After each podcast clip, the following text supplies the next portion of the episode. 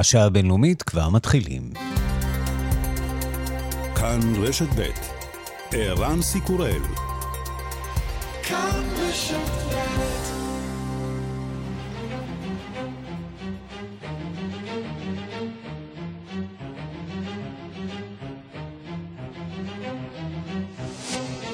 השעה הבינלאומית 25 בדצמבר 2022 והיום בעולם.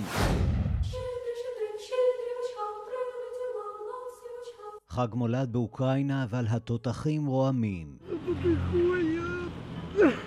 עשרה בני אדם נהרגו אתמול במתקפה רוסית על העיר חרסון שעד לפני שבועות אחדים הייתה בשליטה רוסית. מחוז שרוסיה רואה בו חלק בלתי נפרד משטחה. 68 בני אדם נפצעו במתקפה שבוצעה בלב אזור מגורים. החיילים הרוסים יורים מתוך הפחדה ועונג, טען אתמול נשיא אוקראינה זלנסקי. מיליוני אוקראינים בילו עוד לילה ללא חשמל בקור נמוך מאפס מעלות, חג מולד שכמותו עוד לא חוו. נאום חג המולד של הנשיא זלנסקי נישא אתמול. בדרכו התיאטרלית, כשמאחוריו עץ האשוח, נשא נאום של תוכחה ותקווה. Ми пережили багато гірких новин і будемо заслужено зустрічати благу вість.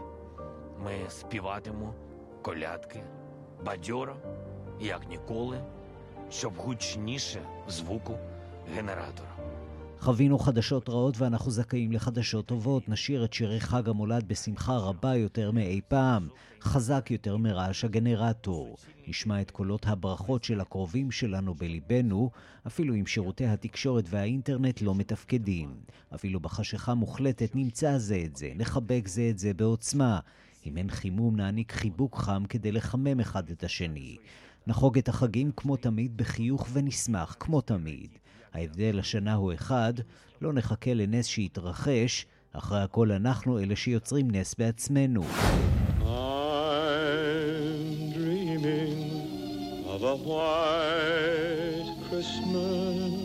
חג מולד לבן זאת אולי הפנטזיה הקפואה של בני התרבות המערבית, אבל מתברר שיש דבר כזה חג מולד לבן מדי.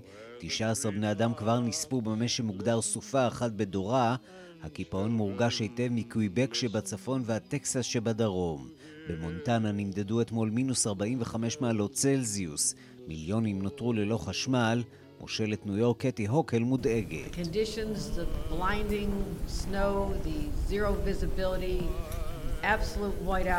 Uh, it may go down as one of the worst in history. People are comparing this to the dreaded blizzard of 77, where Buffalo first got its reputation for having an unprecedented amount of snow. We broke that record again a month ago, so it's very clear to me that the effects of climate change are wreaking havoc everywhere. יש רעות אפסית בכבישים, הסופה הזאת תירשם כאחת הסופות החמורות בהיסטוריה. אנשים משווים אותה לבאפלו 77, שבה העיר זכתה במוניטין שלה כמי שמתמודדת עם כמות חסרת תקדים של שלג. שברנו את השיא ההוא כבר לפני חודש, אז ברור לי ששינויי האקלים מחוללים הרס בכל מקום. I'm dreaming of a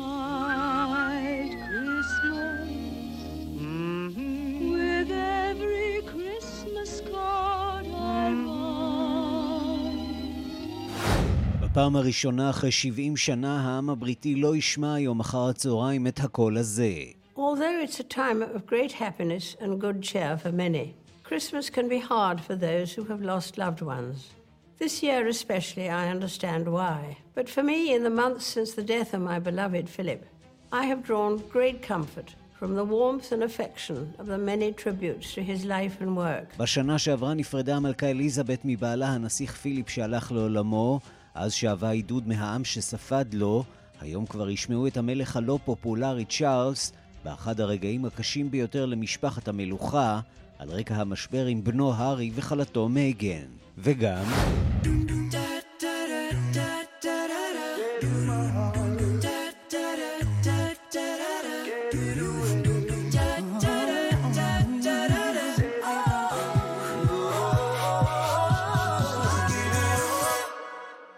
הם מתוקים מעוררים תחושה של חמימות בלב ורצון לשבת ליד האח, אבל לעיתי חג המולד הם הרבה יותר מזה לתעשיית המוסיקה ולא רק לה.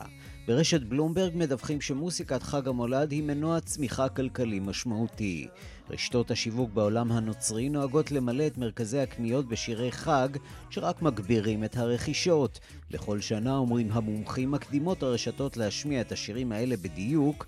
אם פעם חג ההודיה היה המועד לרשימות האשמה הנבחרות בקפידה, היום יש רשתות כמו Gap ו Old Navy שמתחילות לצלצל בפעמונים כבר ב-25 באוקטובר, חודשיים לפני חג המולד.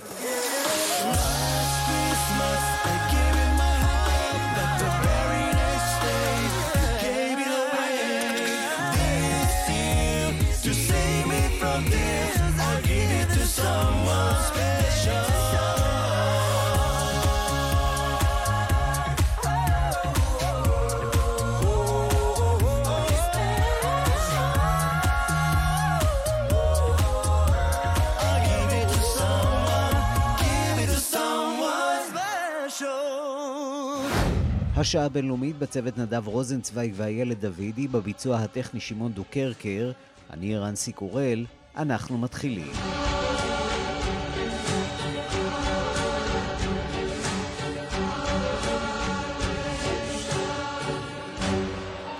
שלום רב לכם ושלום גם לרומן סורקין שמעבר לזכוכית. ארצות הברית מתעוררת לחג מולד קפוא במיוחד, הסופה הארקטית שגרמה לסערות ולצניחת טמפרטורות בחלקים נרחבים של ארצות הברית, גבתה את חייהם של כבר 30 בני אדם לפחות ושיבשה את שגרת החג למיליוני אחרים.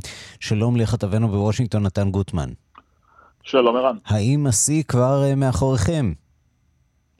נראה שהשיא, לפחות לפי החזאים, השיא קצת מאחורה, מתחיל להיות, אה, הטמפרטורות טיפה יתחילו להתחמם, הסערה תתחיל לשכוח מעט ביממה הקרובה, אבל ההתמתנות הזאת תהיה הדרגתית, ולכן ארה"ב, חלקים נרחבים מארה"ב עדיין נתונים תחת הסופה הארקטית הזאת, זה אומר אה, שהטמפרטורות עדיין מאוד נמוכות, הרבה יותר נמוכות מהרגיל.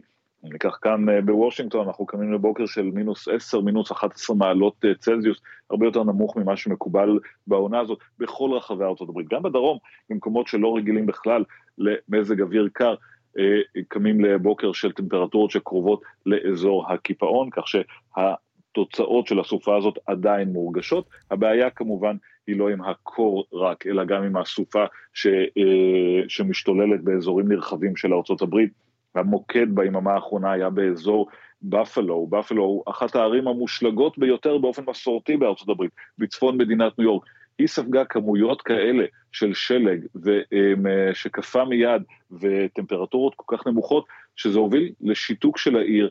מספר אנשים מצאו את מותם בסופה פשוט בגלל שכוחות ההצלה לא יכלו להגיע אליהם, הרחובות היו חסומים, כבישים, אה, כבישים היו חסומים, אנשים נתקעו בכבישים בתוך הסופה ולא יכלו להגיע. זה, אה, זה, זה אולי דוגמה לאיך סופה כזאת גורמת לאבדות, אה, תאונות דרכים, אנשים שאי אפשר להגיע אליהם עם שירותי החירום כדי לחלץ אותם, תאונות נפילה, עצים שנופלים, אלה מסוג הדברים שגורמים הם, אה, לבעיות שאנחנו רואים סופה כזאת. כרגע דווח על כ-30 בני אדם הרוגים, כשחושבים על זאת שזאת סופה שמקיפה כמעט 200 מיליון אמריקנים, המספרים האלה הם לא גבוהים במיוחד, אבל אנחנו עדיין נמצאים בעיצומה של הסופה באזורים רבים של ארצות הברית.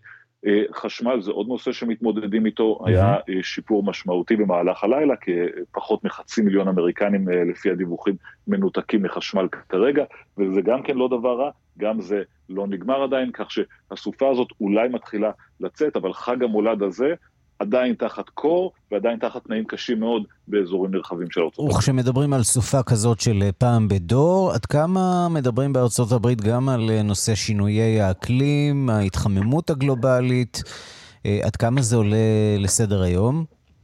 לא מספיק, ללא ספק. קודם כל, ענייני הסטטיסטיקה הם תמיד קצת הם יצירתיים, כל סופה היא סופה של פעם בדור, או כמותה לא הייתה, ובאלמנטים מסוימים של הסופה הארקטית הזאת, בהחלט מדובר בסופה של פעם בדור, לא הסופה הקשה ביותר, אבל שידעה ארצות הברית כמובן בשנים האחרונות. ההיקף שלה הוא גדול במיוחד, והטמפרטורות שיורדות אה, אה, יורדות בצורה קיצונית במיוחד. אבל ההקשר הנרחב יותר, למה זה נובע, למה אנחנו רואים יותר אירועי מזג אוויר כרגע, איך זה קשור להתחממות הגלובלית, הנושא הזה עדיין נמצא תמיד בשוליים, במיוחד בסופה הזאת, שלפחות לפי ההסברים שניתנים כאן בתקשורת, בתקשורת ההמונים, הם לא באמת הצליחו לקשור את זה באופן משכנע למעשה ידי האדם. נתן, קצת על אווירת חג המולד שם בוושינגטון, שבה אתה נמצא. אה, אווירה כמובן מושלגת אה, וחגיגית, לא, אפשר להניח, לא, בבוקר לא, הזה. לא, לא מושלגת, לא, לא מושלגת. 아, אה, אוקיי. וושינגטון קיבלה טמפרטורות מאוד קרות, וושינגטון, ניו יורק, כל אזור מרכז החוף המרכזי, קיבלו טמפרטורות מאוד קרות, אבל לא את חזון ה-white Christmas, אין פה חג מולד לבן. בכל זאת יש כמובן חגיגיות, חג המולד שנופל על סוף שבוע, אז כולם ממילא בחופשה. יש אנשים שהתוכניות שלהם השתבשו, תוכניות הנסיעות שלהם השתבשו בגלל החג, אבל um, בגדול ארה"ב כן מנסה לעטות על עצמה את החגיגיות הזאת. צריך לזכור גם שאנחנו כבר, כבר אחרי הקורונה, אבל עדיין אנשים סוחבים איתם שנתיים של חגי מולד שאותם הם לא הצליחו לחגוג עם המשפחה, ולכן יש רצון במיוחד לעשות דברים הפעם. אנחנו רואים כאן מסביב הרבה אורות, הרבה קניות של הרגע האחרון, ראינו אתמול, כמו תמיד, היום זה היום שבו אנשים עם המשפחות שלהם חוגגים את החג. נתן גוטמן, כתבנו בוושינגטון, חג חנוכה שמח לכם שם. תודה, גם לכם. ושלום לזאב שניידר, מי שהיה עד לפני ימים אחדים עורך השעה הבינלאומית, והיום בניו יורק. שלום לזאב. זאב מיד יהיה איתנו, שלום זאב. שלום ערן, בוקר טוב. בוקר טוב, ספר לנו איפה אתה נמצא. אז אני נמצא כעת בניו יורק, בברוקלין, אה, כשבחוץ מינוס תשע מעלות, וזה אומר שקצת התחמם אצלנו, כי מיום שישי המעלות פשוט צנחו כאן למינוס 13, מינוס 12 מעלות. אה, קור מטורף, פשוט אה, משהו ש... ואני נמצא הרבה בניו יורק, אבל באמת שלא חוויתי כזה קור עד היום. שנרחם עליך, אתה יודע, פה אצלנו באולפן 21, 22 מעלות עם המזגן המחמם, אמנם גשם בחוץ, אבל זה קשה קצת להשוות בין מה שאתה חווה למה שאנחנו חווים כאן. נכון, תראה, האמת היא ש... אתה יודע, לרחם אני לא יודע בכל זאת, אני בחרתי להיות כאן ו... ובסך הכל אה, מאוד נחמד בניו יורק, אבל אני יכול לומר לך שככה מיום שישי כשצנחו המעלות באמצע היום, אגב, זה היה מאוד, אה, מאוד קיצוני, זאת אומרת, אה, בבוקר היה יחסית נעים, זאת אומרת, היו 6-7 מעלות בחוץ, ופתאום בסביבות 2 בצהריים זה צנח ל-0 מעלות, ומשם ממש בצניחה ישירה למינוס 10, מינוס 12 מעלות.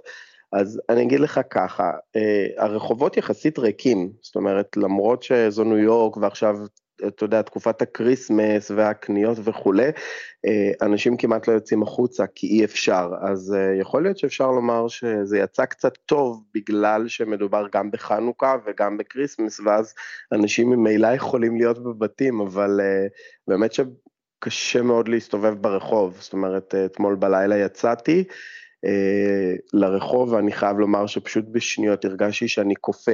ואגב, ערן, אה, מי שיצא לו להיות בניו יורק, אז בעבר כשהיה קר בחוץ, אז היו יורדים ככה למנהרות הסאבווי, ושם היה מתחמם, בעצם היה חימום כזה, עוד לפני שאתה עולה לרכבת, כבר לא קיים. זאת אומרת, אתה נכנס למתחם, למה? אתה כופה מקור, כי פשוט, אני לא יודע מה הם עשו שם, כנראה קיבלו שם את החימום, אין חימום מתחת, ל, אה, מתחת לאדמה, החימום מתחיל רק כשאתה נכנס לתוך הסאבווי עצמה, זאת אומרת, לרכבת עצמה, רק שם נעים. גם במנהרות קפוא, אבל אני מדבר על קור מטורף. עכשיו, תחשוב שאתה עומד ומחכה לרכבת חמש דקות, ואתה פשוט מרגיש קור של מינוס תשע, מינוס עשר ומינוס אחת עשרה מעלות. וזה לא משנה כמה אתה עטוף, ואני מסתובב עם צעיף וכובע מחמם ומעיל גדול, ואני פשוט מתקרבל בתוך עצמי, כי אני מרגיש שעוד שנייה אני פשוט קופא. טוב, אני באמת כמעט מרחם עליך, אולי בכל זאת היית צריך להישאר פה עוד אה, חצי שנה, שנה, אבל לא הענקת לנו את העונג הזה ונסעת לך לשם, אה, לניו יורק הקפואה. אגב, שלג, אה, אני שומע מנתן גוטמן שאין לכם שם. לא, לא, ביום שישי היה ככה, ראינו טפטופי שלג, הם כמובן לא תפסו אפילו לשנייה. אה, ואגב, ניו יורק באופן יחסי בסדר, זאת אומרת, אתה יודע, מזג האוויר הוא חוץ מהקור המטורף, זה לא שאנחנו ככה עם רוחות אה, קשות או עם איזה סופות אה, גשמים ושלגים, ואני בטוח שהמראות אה, מרהיבים, אה, אתה ודאי רואה את, ה, אה, את עצי האשוח אה, והקישוטים, זה מורגש היטב, אה, אווירת החג שם בניו יורק סיטי. לחלוטין. אגב, גם אווירת אה, חג ה Christmas וגם אווירת חג החנוכה. אתה מסתובב בעיר ויש חנוכיה ויש סביבונים, זאת אומרת, אתה ממש רואה את, ה, את כל החגיגות, וכמו שאמרת, אה, ניו יורק לקראת או ב Christmas בעצם מקושטת, וכשאתה נכנס לחנויות, תמיד מוזיקה מאוד מאוד אה, נעימה, ועדיין ממשיכים בקניות, ואנשים ממשיכים ללכת לחנויות. אתה יודע, פשוט הם לא יושבים בחוץ, או לא מסתובבים בחוץ, אלא נכנסים לתוך חנויות הקפה, בתי הקפה, מה החנויות. מה קונים, ו... אגב? מה, מה כבר הספקת לקנות? תשמע, האמת היא שאני עוד לא התחלתי את uh, תהליך הקניות שלי. קניתי ממש בקטנה, אתה יודע, דברים uh, קטנים, אבל, uh, אבל בגדול אנשים קונים, קונים כל מיני שמיכות ובגדים ודברים כאלה. אני כן חייב לומר שביחס לשנה שעברה, הגעתי לניו יורק, וניו יורק מאוד מאוד מאוד יקרה. אה, יש כאן עליית מחירים מאוד מאוד אה, קשה. למרות שמבחינתנו יש ירידה של הדולר, לכאורה זה היה צריך להיות, אה, הייתה צריכה להיות אולי תחושה של הקלה לישראלי שמגיע לניו יורק. נכון, אבל לא כשהמחירים קפצו בצורה כזאת משמעותית, ואז גם אם הדולר נמוך יותר, אתה עדיין מרגיש שאתה משלם יותר. ועדיין, זה לא שאנחנו, אתה יודע, זה לא, כמו שאמרת, לא צריך לרחם עליי, באמת יש כאן אווירה מאוד מאוד מאוד חגיגית ומאוד אה, נחמדה ונעימה, ואגב, לפני כמה ימים יצאתי, ראיתי את, ככה בלילה, יצאתי לאוקופלו וכולי, אז, אבל אז היו 6-7 מעלות, אז היה יחסית נעים. הרגשנו שזכינו באיזה לילה נחמד. זאב שניידר בניו יורק, בברוקלין שבניו יורק, תודה רבה לך על הדברים. תודה, ירן.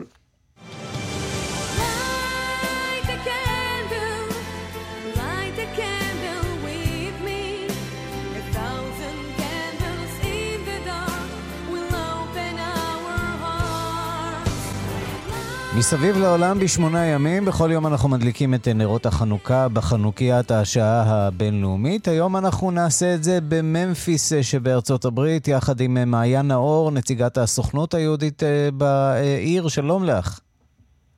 אהלן, מה נשמע? אה, אצלנו מצוין. טוב, אי אפשר שלא לשאול אותך אה, כמה קר אצלכם בחג מולד חנוכה הזה היום. אז האמת שהיום יחסית נעים, אנחנו רק במינוס שמונה מעלות. מינוס שמונה, אה, אוקיי. מינוס שמונה, לפני אה, יומיים היינו גם במינוס שבע עשרה, אז עכשיו אנחנו עוד מתחממים. טוב, יפה. אה, ספרי לנו קצת על חג החנוכה אצלכם. כמה קהילה, מה, מה גודלה של הקהילה היהודית בכלל בממפיס, טנסי? אז האמת שהקהילה יותר גדולה ממה שחושבים. אז יש כאן המון יהודים לא כל כך הרבה ישראלים, אבל הם נורא מחוברים, נורא ביחד, אה, אז זה מרגיש ממש כמו משפחה אחת גדולה, כולם מכירים אחד את השני, כל ערב הדלקת נרי אצל משפחה אחרת בקהילה. ככה נורא נורא נחמד וחם. ממפיס, נזכיר, זו עיר אה, לא מאוד גדולה, משהו כמו 600 אה, אלף תושבים. כמה יהודים יש שם בערך? נכון, לא מאוד גדולה. בסביבות כמה אלפים, לא כל כך המון, אלפיים, שלושת אלפים. יהודים, אבל באמת זה מרגיש שכולם מכירים את כולם, כולם במשפחה אחת גדולה, עושים בייביסיטר אחד לשני, הדלקת נרות אחד אצל השני, ערב ספגניות כאן, ערב ספינץ' כאן, נורא חם, נורא נחמד. יותר אה, רפורמים, אורתודוקסים, או גם וגם, קונסרבטיביים? אה, ממש מיקס, יש המון אורתודוקסים, אבל גם הרבה רפורמים. ככה להקת הקהילה גודלת ומנסה להבין את הכיוון שלה. המרכז הקהילתי כאן שאני עובדת, גם, שאני עובדת בו ככה מחבר את כולם ויש המון פעילות. אמ, הסופה שקצת הרבה דברים בוטלו בגלל הסופה שקורית כאן, אבל אמ, בעיקרון נורא מורגש אחד. ספרי לנו קצת על הפעילות שלכם שם אה, בימי שגרה. מה בעצם אה, אתם עושים עם הקהילות היהודיות? זה ניסיון לסייע להן אה, לעלות לישראל, או שלא בהכרח אולי לסייע להן להתקיים גם קהילות שהן יחסית קטנות בגודלן? אה, זה לא בהכרח בנושא העלייה, זה פשוט להביא את ישראל לקהילה. כלומר, יש, יש כאן חבר'ה שמאוד אוהבים את ישראל והיו שלוש, ארבע, חמש פעמים בחיים, ויש כאן חבר'ה שפחות מכירים, כאילו תומכים, אבל פחות מכירים. אז הרציונל הוא בעצם להביא את ישראל לכאן. זה ללמד עברית, לעשות מדי פעם שיעורי אפייה ישראלית. תמיד אני אוהבת נורא לאפות חלות, אז אני עושה מדי פעם שיעורי אפייה ומלמדת אותם להכין חלב, עם מה אנחנו אוכלים חלב. אמ, להראות להם כל מיני סרטונים או הרצאות על איך זה להיות בצבא, איך זה לגדול בארץ, אם תבואו לבקר בישראל, זה מה שתראו ברחוב. לגרום להם להבין איך נראים החיים בארץ. זה לא בהכרח במטרת עלייה, זה פשוט שילמדו קצת, שיכירו, יש המון שאין להם איזשהו מידע קודם על ישראל, ויש המון שיש להם מידע אולי פחות טוב. אז אנחנו רוצים שהם ידעו באמת איך נראים החיים בישראל, ופשוט לעודד אותם לתמוך בארץ ולאהוב אותה, ולרצות לבוא לבקר. מי שרוצה לעשות עלייה, מוזמן ובכיף נעזור לו בתהליך, אבל זו לא בהכרח המטרה הראשונה. ספרי לנו מה צריך לעשות כדי להיות אה, נציגה של הסוכנות היהודית בעיר כמו אה, ממפיס, אה, טנסי. איך מגיעים לזה בכלל? אז אני בעצם שליחה של הסוכנות היהודית כבר שנה, אני עכשיו התחלתי את השנה השנייה שלי. Um, הדבר הראשון שמחפשים זה אנשים שפשוט רוצים לעשות את זה. זו עבודה נורא כיפית, אבל גם נורא מאתגרת. זה להיות רחוקים מהבית, לדבר רק אנגלית כל היום, אז מן הסתם גם השפה זה כן משהו חשוב, צריך לדעת איזושהי רמה מסוימת של אנגלית. אמ, ופשוט לדעת לעבוד עם קהילה, ולרצות לעבוד עם קהילה שהיא שונה ממה שאנחנו רגילים, ולפעמים לוקח קצת זמן להתרגל לעבוד עם אנשים שונים, כל התרבות האמריקאית היא נורא שונה, שאני ממש אוהבת אותה ומתחברת אליה, אבל יש אנשים שזה יכול להיות להם קצת קשה בהתחלה להתחבר לזה. אמ, אז פשוט צריך להיות בן אדם עם מוטיבציה, כריזמה, יודע לעמוד ולדבר מול אנשים. לפעמים זה קצת מביך, קצת מתביישים, צריך לבוא ולדעת להשפיע את עצמך ולשים את עצמך שם באמצע. פתאום אני יכולה להגיע לחדר מלא באמריקאים שאני לא מכירה, ואני הישראלית היחידה, ואני צריכה פשוט ללכת ולדבר עם אנשים ולהציג את עצמי ולהגיד להם, היי, אני מעיין, אני מישראל, אתם רוצים לשאול אותי משהו, יש משהו שאתם רוצים לדעת על ישראל. אמ, פשוט צריך להיות נורא כזה בן אדם שפשוט בא ושם את עצמך שם. וברגע שפונים לסוכנות היהודית ואומרים להם שרוצים להיות שליח, אז הם מתחילים בתהליך המיונים וככה משבצים אותך לקהילה שמתאימה לך. יש קהילות שמחפשים יותר בנות, יותר בנים, כאלה שיש להם ניסיון, יש חבר'ה יותר צעירים, חבר'ה יותר מבוגרים, עם משפחות, רווקים, כל קהילה והדרישות שלה. מעיין נאור, נציגת הסוכנות היהודית אה, בממפיס, אה, טנסי, חג חנוכה שמח. חג שמח. השעה הבינלאומית, חג המולד, האפיפיור פרנציסקוס מציין את היום הקדוש אה, בנאומו השגרתי, אה, והוא מדבר כמובן גם על המצב במזרח התיכון כבכל שנה, ואומר, אה, צריך להביט לבית לחם ולשאוף לשלום. הוא מדבר כמובן גם על המלחמה באוקראינה, ונוגע אה, במה שמתרחש באזורים אחרים במזרח התיכון. הדיווח של כתבנו ברומא, יוסי בר. חג המולד הפך במרוצת השנים לחג הצרכנות. שכחנו את מהות החג, את העניים והחלשים. הילדים נבלעים על ידי המלחמות. האנושות צמאה לכסף, לכוח, ואין מקום לעניים. אמר אמש האפיפיור בדרשת חג המולד, בו ציין את תולדתו של ישו. לפני שעה קלה, בתפילת אורבי את אורבי, לעיר ולעולם, הזכיר האפיפיור פרנציסקוס כי אם אנחנו רוצים לחגוג את חג המולד, יש להשתחרר מהעצמה לכוח, לכסף, לצביעות ולשקרים.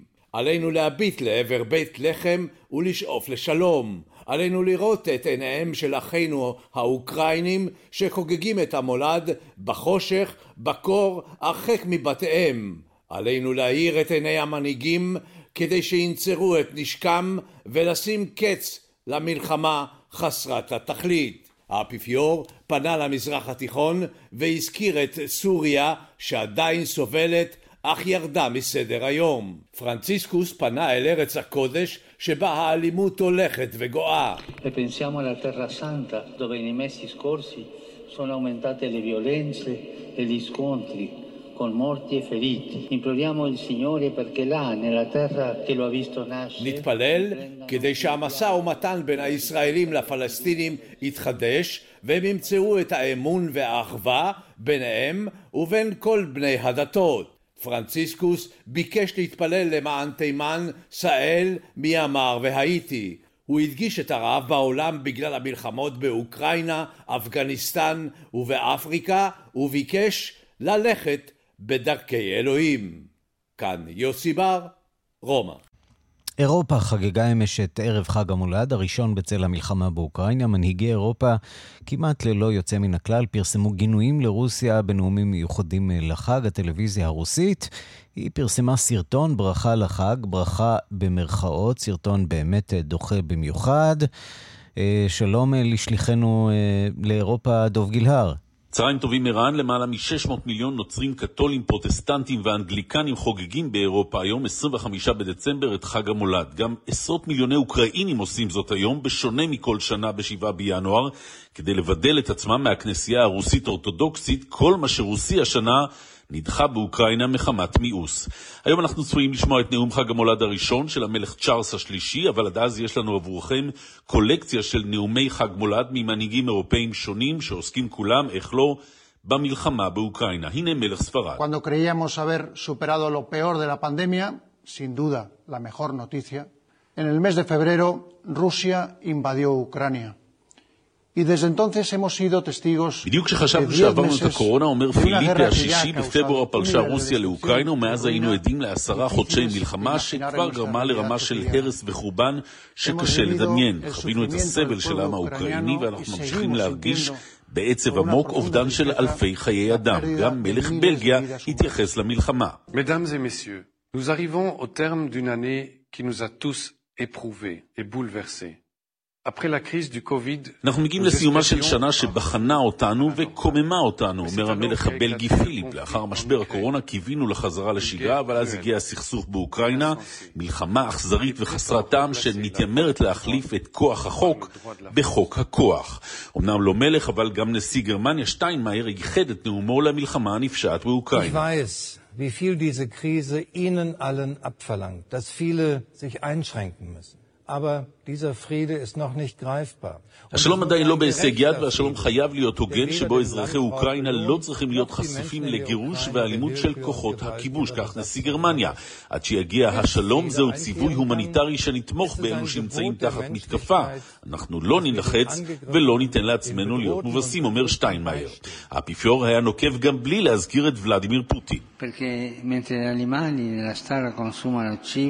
Gli uomini nel mondo affamati di potere e di denaro consumano pure i loro vicini בזמן שבעלי חיים ניזונים בדוכנים שלהם, אומר פרנציסקוס, גברים ונשים בעולמנו, ברעב שלהם לאושר וכוח, צורכים אפילו את שכניהם, את אחיהם ואחיותיהם.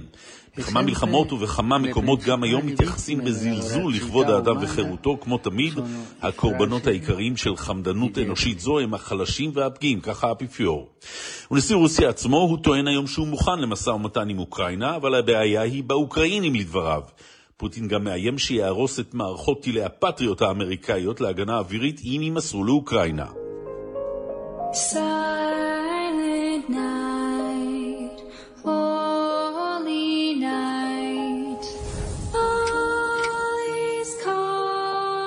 ובתוך כך מפרסמת הטלוויזיה הרוסית ברכת חג מולד ביזארית לאירופה על רקע המלחמה. הסרטון שפורסם על ידי ערוץ RT מתחיל בהצגה של סצנה מחג המולד 2021.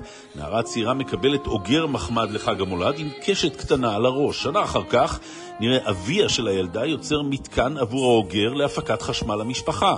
ככל הנראה בגלל שעלויות החשמל והחימום של הבית התייקרו בעקבות הסנקציות נגד רוסיה. האוגר רץ על גלגל, יוצר אנרגיה, ועץ חג המולד נדלק.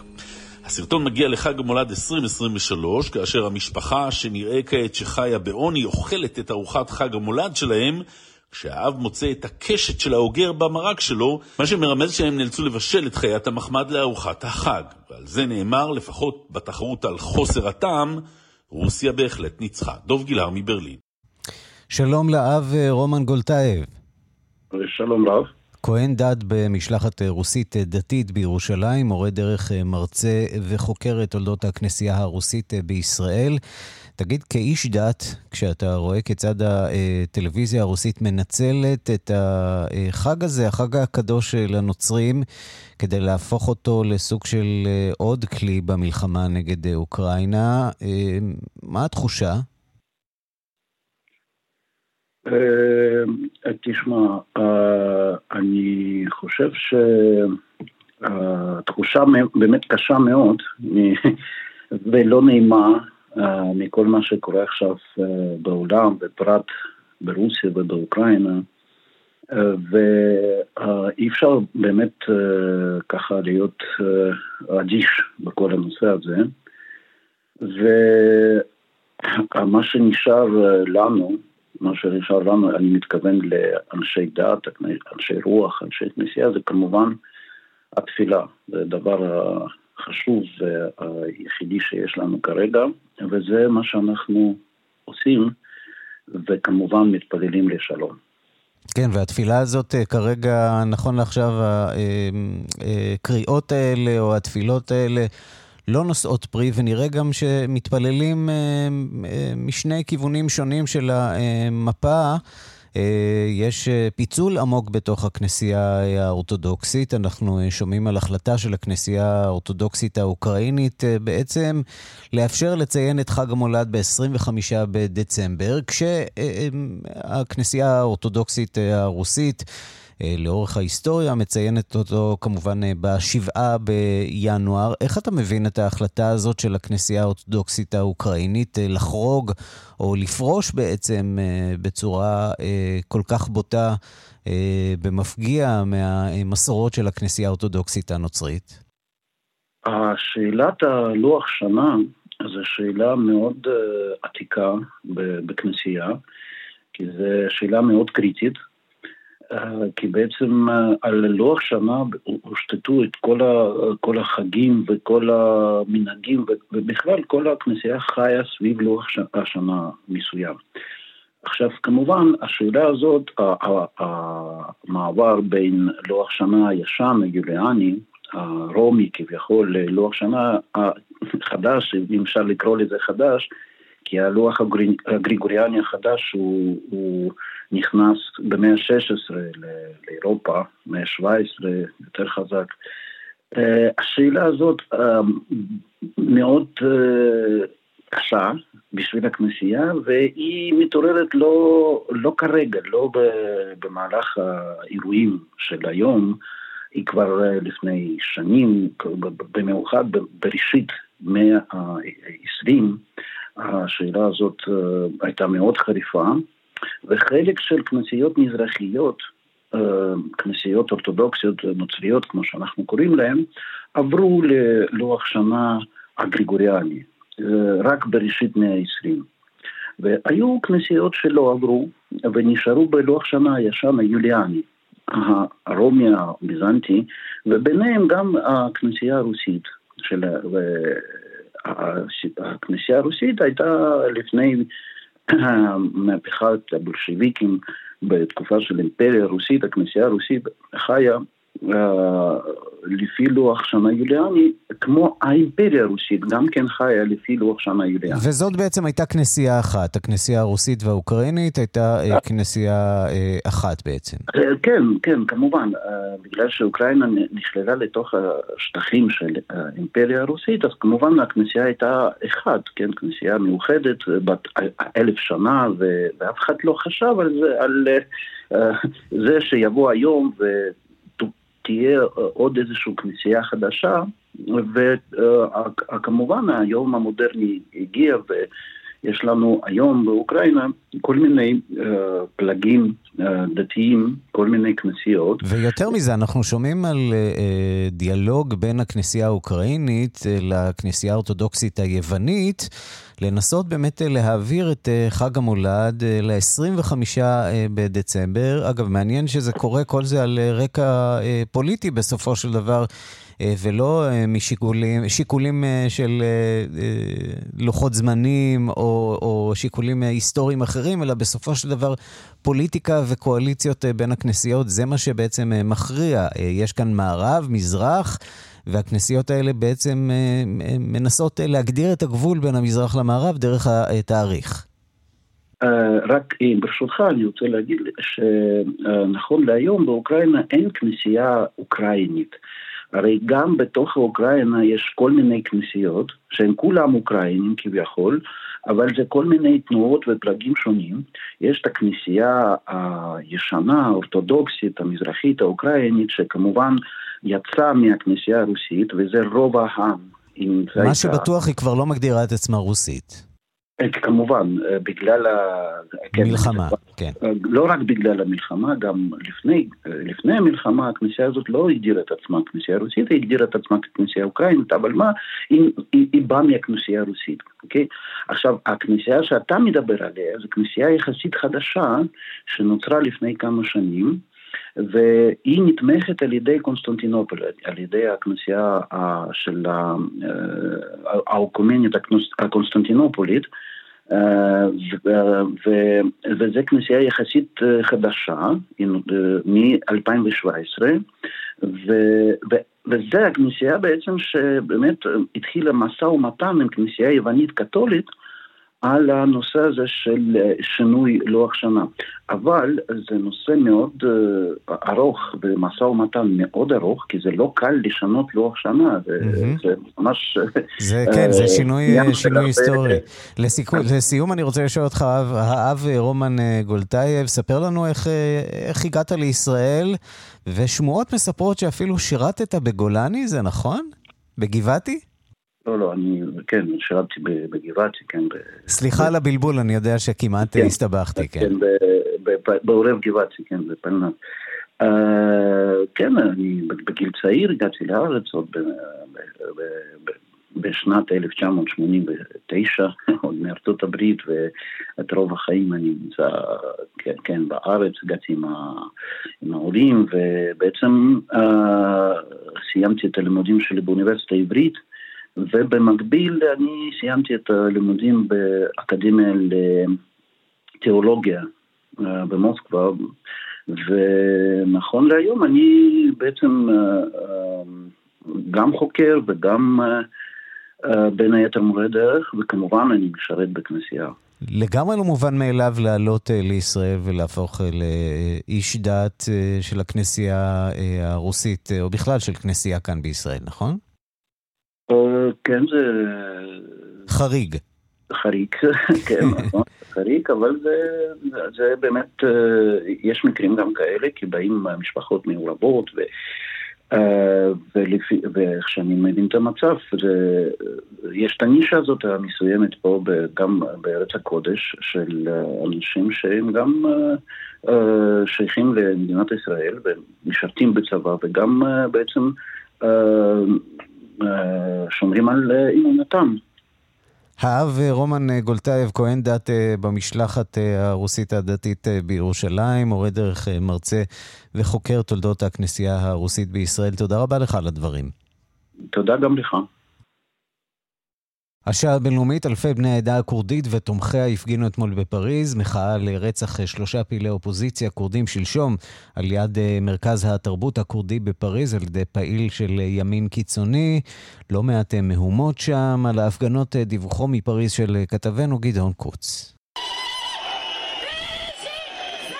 הפעילים הכורדים מאשימים את השלטונות בכך שמוסדותיהם לא נשמרו כראוי, למרות מידע מודיעיני על ניסיונות צפויים לפגיעה בכורדים מצד סוכנים טורקיים, לקראת האירועים לציון מלאת עשר שנים לרציחתן של שלוש מנהיגות כורדיות, כנראה ביוזמת שירותי המודיעין הטורקים, גם הן במרכז הקהילתי הכורדי בפריז. הכורדים ותומכיהם מארגוני זכויות האדם והשמאל הצרפתי זועמים על כך שעד אמש לא הוגדרה התקיפה הרצחנית כאירוע טרור, והחקירה הוטלה למחלקה הפלילית של המשטרה.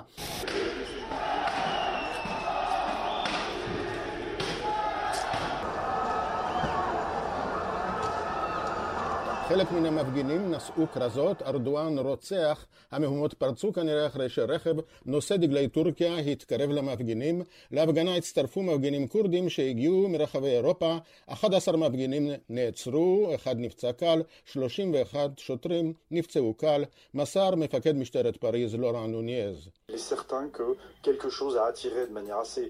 Assez euh, et très rapidement un certain nombre, une partie de la foule qui était place de la République. ביום שישי בצהריים ירה אדם שזוהה כוויליאם מלא, עובד רכבת לשעבר, בן 69, שהגדיר את עצמו כגזען ושונא כורדים, לעבר קבוצת פעילים שהגיעה לישיבה על תכנון האזכרה לנרצחות לפני עשר שנים, ליד המרכז הקהילתי הכורדי, ואחר כך במסעדה כורדית ובמספרה בסביבה, שם השתלטו עליו הלקוחות עד בוא המשטרה.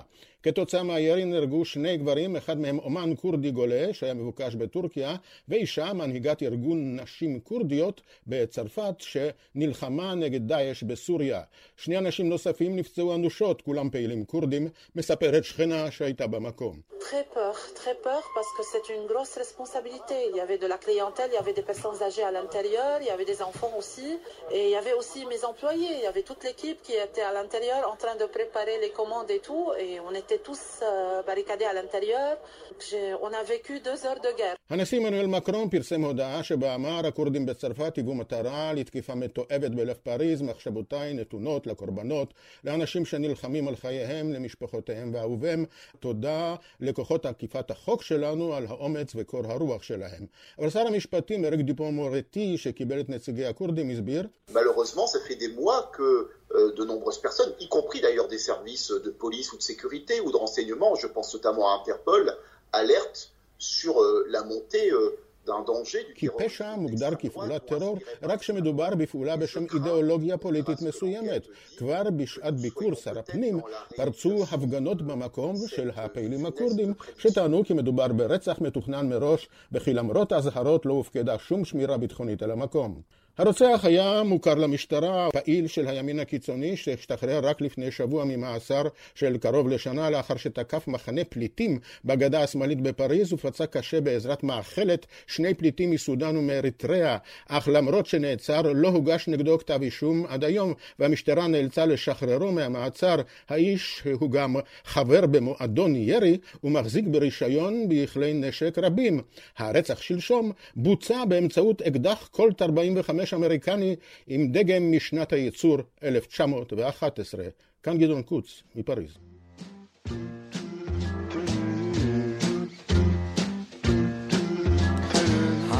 עד כאן השעה הבינלאומית מהדורת יום ראשון, העורכת איילת דוידי ונדב רוזנצוויג, הטכנאים רומן סורקין ושמעון דוקרקר. אני ערן סיקורל, רגעי קסם עם גדי לבנה מיד אחרינו, להתראות. Well, glisten and children listen. ישראל עוד בנק.